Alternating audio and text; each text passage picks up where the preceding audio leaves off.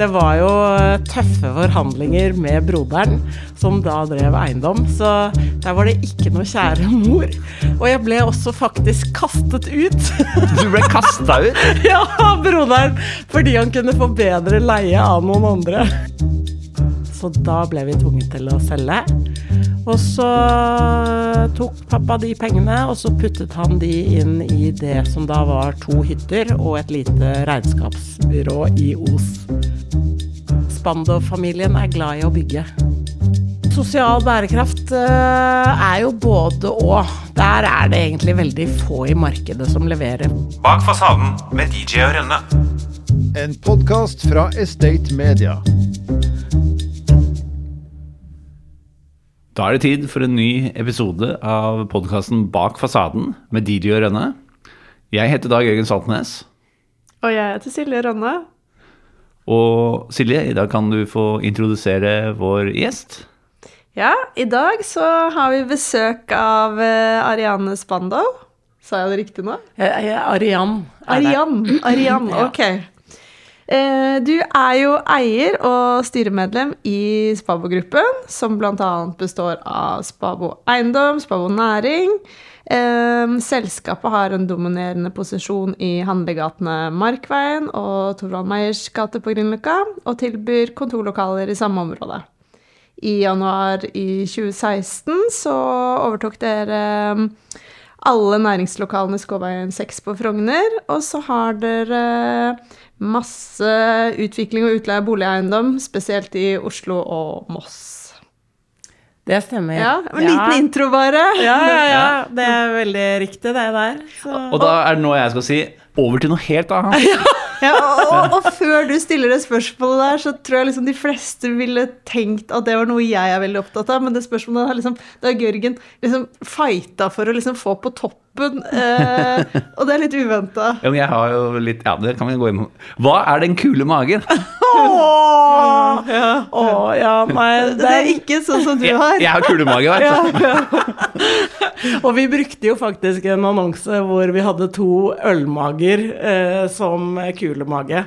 Men eh, nei, den kule mage, det var mammaklær og barneklær på Løkka. Og mitt veldig kjære, kjære barn. Eh, og vi utviklet den butikken i det eldste bygården på Grünerløkka. Så Markveien 55, legendarisk butikk, altså. Var det det første du gjorde etter at du var ferdig å studere? Ja, det var det første jeg gjorde. Og det var jo tøffe forhandlinger med broderen, som da drev eiendom. Så der var det ikke noe kjære mor. Og jeg ble også faktisk kastet ut. Du ble kasta ut? ja, broderen. Fordi han kunne få bedre leie av noen andre. Det ble bra stemning i juleselskapet og sånn? da, ja, ja, det ble veldig hyggelig rundt bordet da, altså. Nei, men det, det har vi jo alltid skjønt, at eh, selv om vi er familie, så er det ikke sånn at vi skal ha fordeler av å drive i familiebusiness. Det er business. Så ja. Men kan du ikke liksom fortelle oss litt om da familiebusinessen? Liksom, hva er bakgrunnshistorikken? Hvem starta? Liksom, hvordan har det her eh, gått til?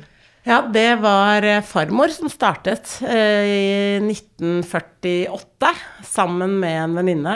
Og de fant ut at de skulle eh, hjelpe kvinner spesielt inn i arbeidsmarkedet fordi at det var et skrikende behov etter sekretærer. Sånn at de startet opp det, og så drev hun det til 1980-tallet. Da var det blitt et lite rekrutteringsbyrå som pappa tok over. Og så bygget han det videre eh, til 2001, hvor eh, vår partner som vi da hadde, Olsten, eh, som var et amerikansk familieeid selskap, gikk konkurs i USA og ble tatt over av Adecco.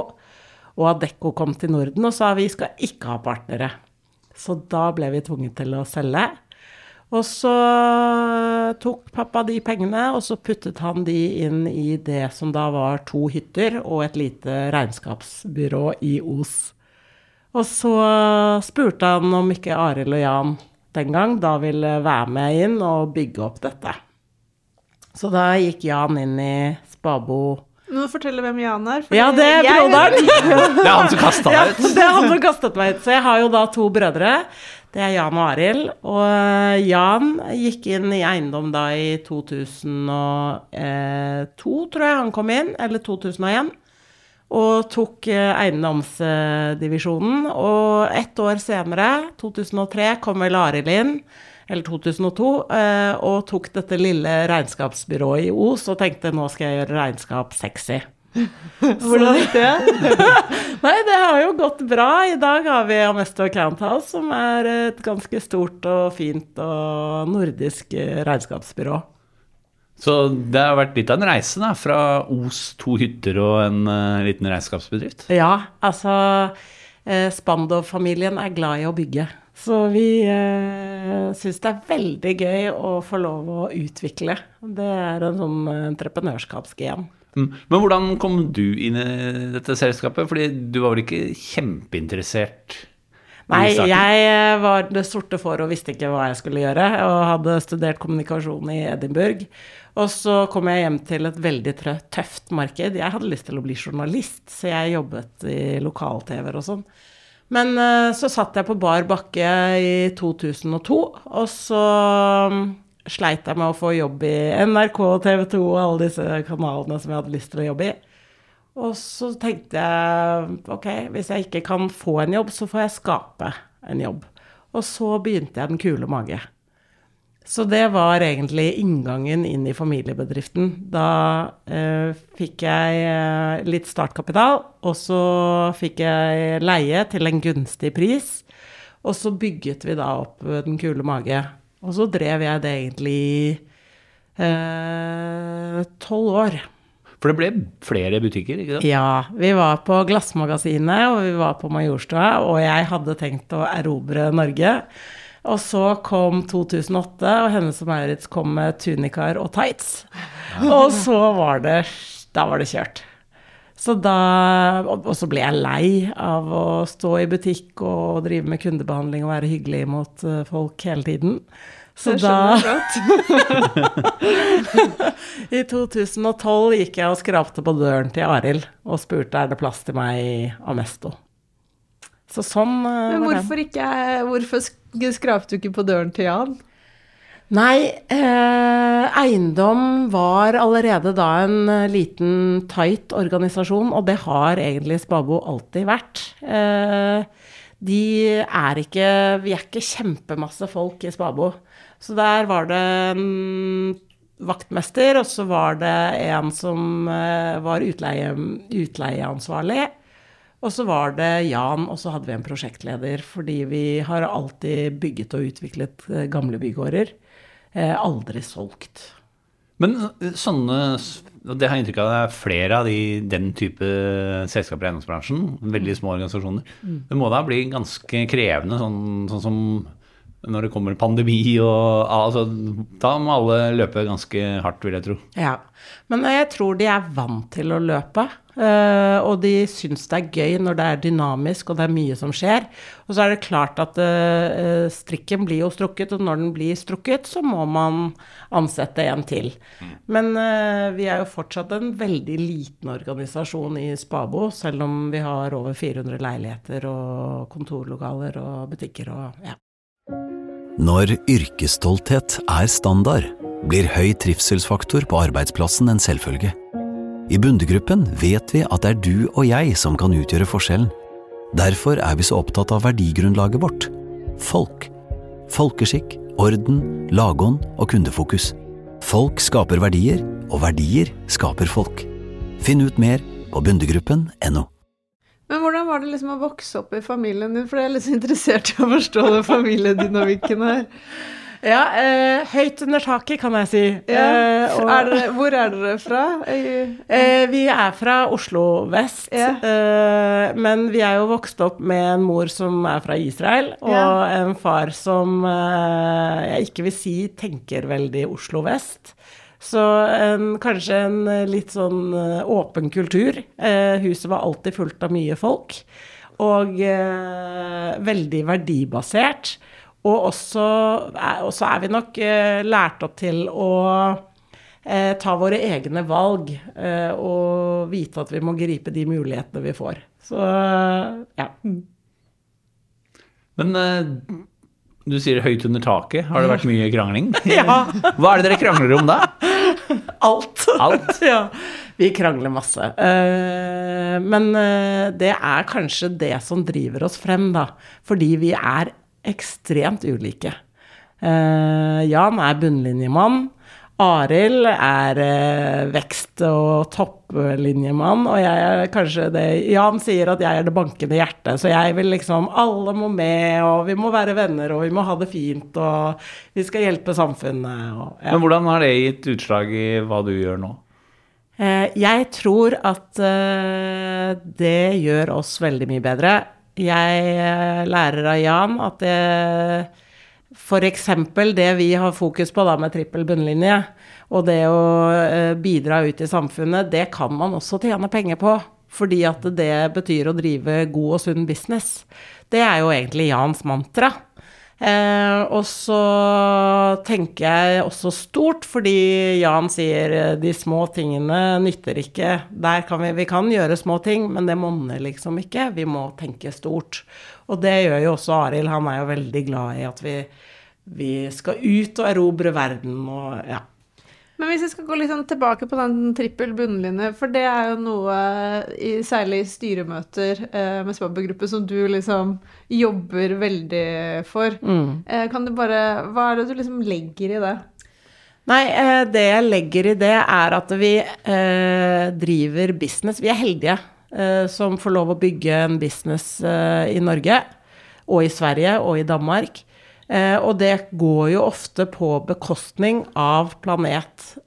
Og det går også på bekostning av hvordan man er mot folk og de man har rundt seg, både ansatte, kunder, eh, hvilke krav man setter til eh, de man kjøper tjenester og produkter av.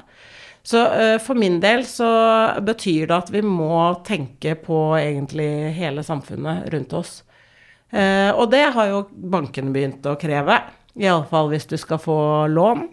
Eh, så eiendomsbransjen har jo begynt å turtle med. Eh, men det er klart at de, de diskusjonene har vi hatt mange av. fordi at eh, det å tenke grønt har jo ikke lønt seg i eiendomsbransjen. Og i alle fall ikke å tenke sosial bærekraft. Altså, vi har jo hatt eh, veggmalerier på Løkka. Eh, det lønner seg jo ikke. Det er ikke noe banken gir oss noe bedre lån på. Det gir oss ikke noe i form av eh, bedre leiepriser. Men det gir jo et miljø, da, i, i bygaten. Og det, det tror jeg egentlig ganske mange eiendomsaktører tenker på, men de tenker ikke over at det er en del av sosial bærekraft. Men dette har du vært opptatt av ganske lenge. For jeg husker at jeg satt i en sånn paneldebatt på Oslo Urban Arena for sikkert seks-sju år siden. Mm. Da det temaet var sosial bærekraft. Mm. Da var ikke eiendomsbransjen så skrekkelig opptatt av det. eh, Og det har vært en del holdt på å si, gode ord, men leverer dem?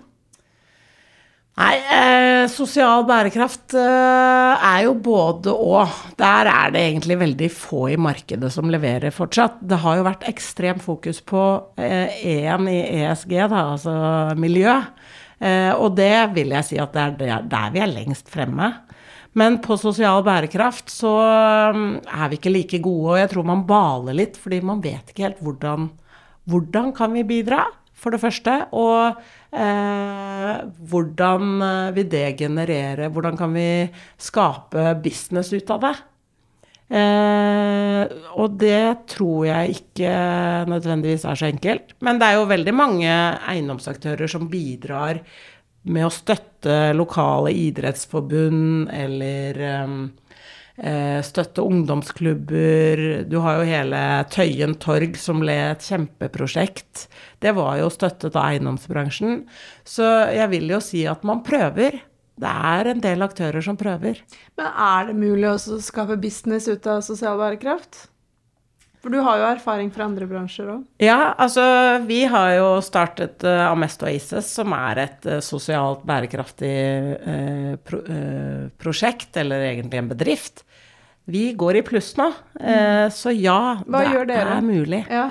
Vi uh, i samarbeid med Nav rekrutterer unge som ikke kommer seg inn på arbeidsmarkedet. Og så gir vi de gjennom en accelerated learning-plattform eh, sertifiseringer innenfor enten Microsoft-plattformen eller Salesforce, som er et CRM-system. Eh, og så eh, skaper vi karrierer, så vi får de ut eh, hos kunder. Det kan også være eiendomsbransjen, bare så det er sagt. Eh, og så innenfor IT. Og så skaper vi karrierer. De blir ansatt da i de, disse selskapene og skaper karrierene sine der. Hva er det liksom som Jeg tenker sånn Nå har du jo møtt mange mennesker, og er det liksom noe som overrasker deg, eller er det, har du hatt noen sånne aha-opplevelser?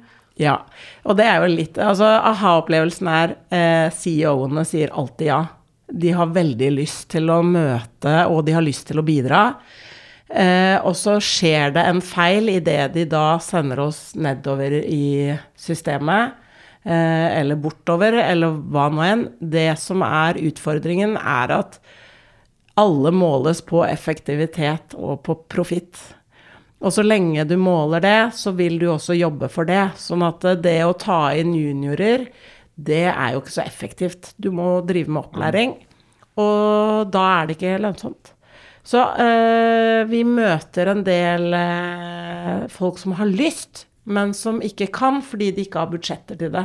Så man gir ikke rom for øh, denne type virksomhet. Men hvordan, hvordan La oss si du kommer til meg, og jeg sier da nei, det går ikke, for jeg, det, det vil ikke være lønnsomt. Sorry. Hva vil du si da?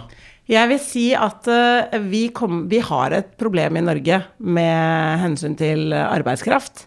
Vi har altfor få seniorer, og bakgrunnen for det er at vi ikke bygger opp juniorene. Så hvis vi ikke tar et kollektivt ansvar om å bygge opp juniorer, så kommer Norge til å slite eh, ganske drastisk i fremtiden. Og det er ikke langt inn i fremtiden jeg ser heller da. Jeg tenker det lønnsomhetsbegrepet også er jo liksom sånn, hva skal jeg si, et sånn definisjonsspørsmål også. For det kan jo være at disse juniorene eh, har mye annet å bidra med inn i selskapet også, som kanskje ikke sånn noe man kan på en måte ja, lese altså med effektivitet uh, med en gang, men at det kan være andre ting, da. Absolutt, uh, og det er det jo. Uh, men jeg tror ikke vi som virksomheter er gode nok på å utnytte den kompetansen som sitter mm. i bedriftene. for vi vet ikke helt hvordan, og så tar det tid. Det tar tid, og jeg, vi tok jo et sånt kurs med Lovlin Brenna på mangfoldsledelse. Hvis du skal drive mangfoldsledelse og få innspill fra mange, så tar det tid. Og da, da får du ikke løpt, da. Sånn som eh, Norge AS egentlig drives. Vi skal jo løpe. Vi skal være effektive, og vi skal være raske, og vi skal kunne ta beslutninger fort. og ja. Det med mangfold også er eh, interessant, for det også er noe som liksom er veldig i tiden nå. Eh, men samtidig så er det også lite forskning på om det faktisk lønner seg. Mm. Eh, sånn, I mitt hode så er det liksom åpenbart at uh, det er viktig med mangfold, men uh, hva tenker du rundt det? Nei, jeg tenker at uh, Norge blir jo mer og mer mangfoldig. Vi får en kundegruppe som selskaper som er mer mangfoldig. Og for å forstå kundegruppen så tror jeg at det er viktig å ha den samme mangfolden i bedriften din. Eh, det er ikke sånn at eh, mangfold i seg selv er så veldig lønnsomt, tror jeg. Men det skaper jo mer kreativitet hvis man faktisk eh, snakker med folk og tør å, å si 'hei, hva tenker du om den saken?' Å få de innspillene, det blir jeg i alle fall beriket av. Eh, og har veldig mye glede av. Og jeg vet at vi tenker veldig forskjellig eh, når man er vokst opp i forskjellige miljøer og forskjell, har forskjellig bakgrunn. Så det tror jeg er en kjempeverdi. Eh, og jeg ser på det bare på Arild og Jan og meg, selv om vi er vokst opp i samme familie, har samme bakgrunn. Eh, så tenker vi ekstremt forskjellig som mann og kvinne. Mm. Ikke sant? Men hva tenker du om 40 eh, kvinneandel i styrene? Ja. Også i familieselskaper? Ja. Eh, vi har en vei å gå, for å si det sånn. Eh, og vi har jo startet. Men eh, jeg er usikker på om kvotering er riktig. Ja, fordi når jeg bare tenker, hvis det er, det er naturlig at dere tre mm. er i styret, mm. eh, har en plass hver. Mm. Men eh, hvis det blir nye regler, så må du jo ha én til inn, og det må være en kvinne. Mm. Hvordan endrer det liksom dynamikken i et familieselskap? Eh, nå er jo vi flere i styret, eh, så, eh, men jeg tenker jo at det er en fordel for meg å få inn en kvinne til. Eh, og så tror jeg at eh, det er Jeg tror det er bra, da, eh, å bli tvunget. Jeg sitter i veldig mange styrer, og de har jo vært mannsdominerte. Eh, og også ofte da dominert i forhold til alder. Eh, så jeg tror jo både å se på aldersdifferanse og kjønnsdifferanse og eh, Ja, det tenker jeg er veldig bra. Du får bedre diskusjoner av det. Eh, og det kan godt hende at jeg har godt av å få litt backing av og til. Tøffe tider for Jan og Arild fremover. Det blir veldig spennende. Hva er, det, hva er det dere er mest uenige om når dere diskuterer? Eh, people plan profit-strategi, absolutt. Eh, bunnlinje, topplinje eh, er alltid en diskusjon. Eh, det tror jeg er de to heteste temaene vi har. Ja, absolutt. Men hva er du liksom sånn mest stolt av det dere har gjort i eiendomssammenheng? Sånn du kan liksom tenke sånn her Å, det her eh, er bra. Å, det er masse. Eh, jeg er veldig stolt av hele Løkka-satsingen. Jeg syns Løkka er blitt et skikkelig bra sted, og jeg tror Spabo har vært med på å forme det. Eh, og så er jeg veldig stolt av eh, Vi holder på å pusse opp et, en svær bygård på Tøyen. Eh, Hagegata 30, som jeg er skikkelig stolt av. Det er vårt første Bream-prosjekt av en eh, allerede eh, Altså et eksisterende bygg. Så det er skikkelig gøy. Eh, og så er jeg veldig stolt av eh, alt det Jan egentlig har bygget opp for oss i familien. Han har vært skikkelig flink, altså. Men hvis du går litt tilbake i familien det, altså Jeg bare tenker eh, bestemor som da starter eh, bedrift i 1946 eller 47. Mm. Det, det er jo noe trøkk der, altså. Det er litt girl ja. power. Ja, det er girl power, absolutt. Men farmor kom jo fra en gründerfamilie, altså gründerfamilie, hun òg. Begge brødrene hennes var jo gründere. Hun hadde jo Viggo Widerøe, som eh, startet Widerøe flyselskap. Og så hadde hun Rolf uh, Widerøe, som uh, var faren av eh, Betatronen. Sånn at eh, eh, hun var Jeg tror nok farmor hadde veldig mye driv i seg. Og eh, ikke nødvendigvis at hun tenkte sosialt eh, eller noe sånt. Hun, hun så bare en mulighet, hun. Og så tok hun den. Og det er jo litt av den lærdommen som vi har med oss. Det er eh, grip de mulighetene du har, altså. Og iallfall prøv. Og så går det ikke, så går det ikke. Sånn er det. Hva er det du liksom ville si Nå er det litt, litt sånn ledende spørsmål, kanskje, men jeg tenker liksom, hvis du skal gi noen råd til unge mennesker i dag, da. Eh, hva ville det vært? Det, er- for det er, nå er det jo veldig fokus på utdannelse og liksom sånn Gjøre de riktige tingene gåstein. Altså, jeg tror Jeg, jeg syns jo det har gått litt inflasjon i utdanning i Norge. Og så syns jeg at vi skal prestere på for mange plan. Vi skal se bra ut, og vi skal kjenne de riktige menneskene, og vi skal eh, skape familier, og vi, skal- altså vi skal prestere på alle plan. Jeg tenker liksom slapp av litt. Det er eh, musikk i mine ører. Ha det gøy. Det er utrolig viktig å ha det gøy, altså. Og du har det gøy på jobben? Jeg har det så gøy på jobb. Bak fasaden med DJ og Rønne.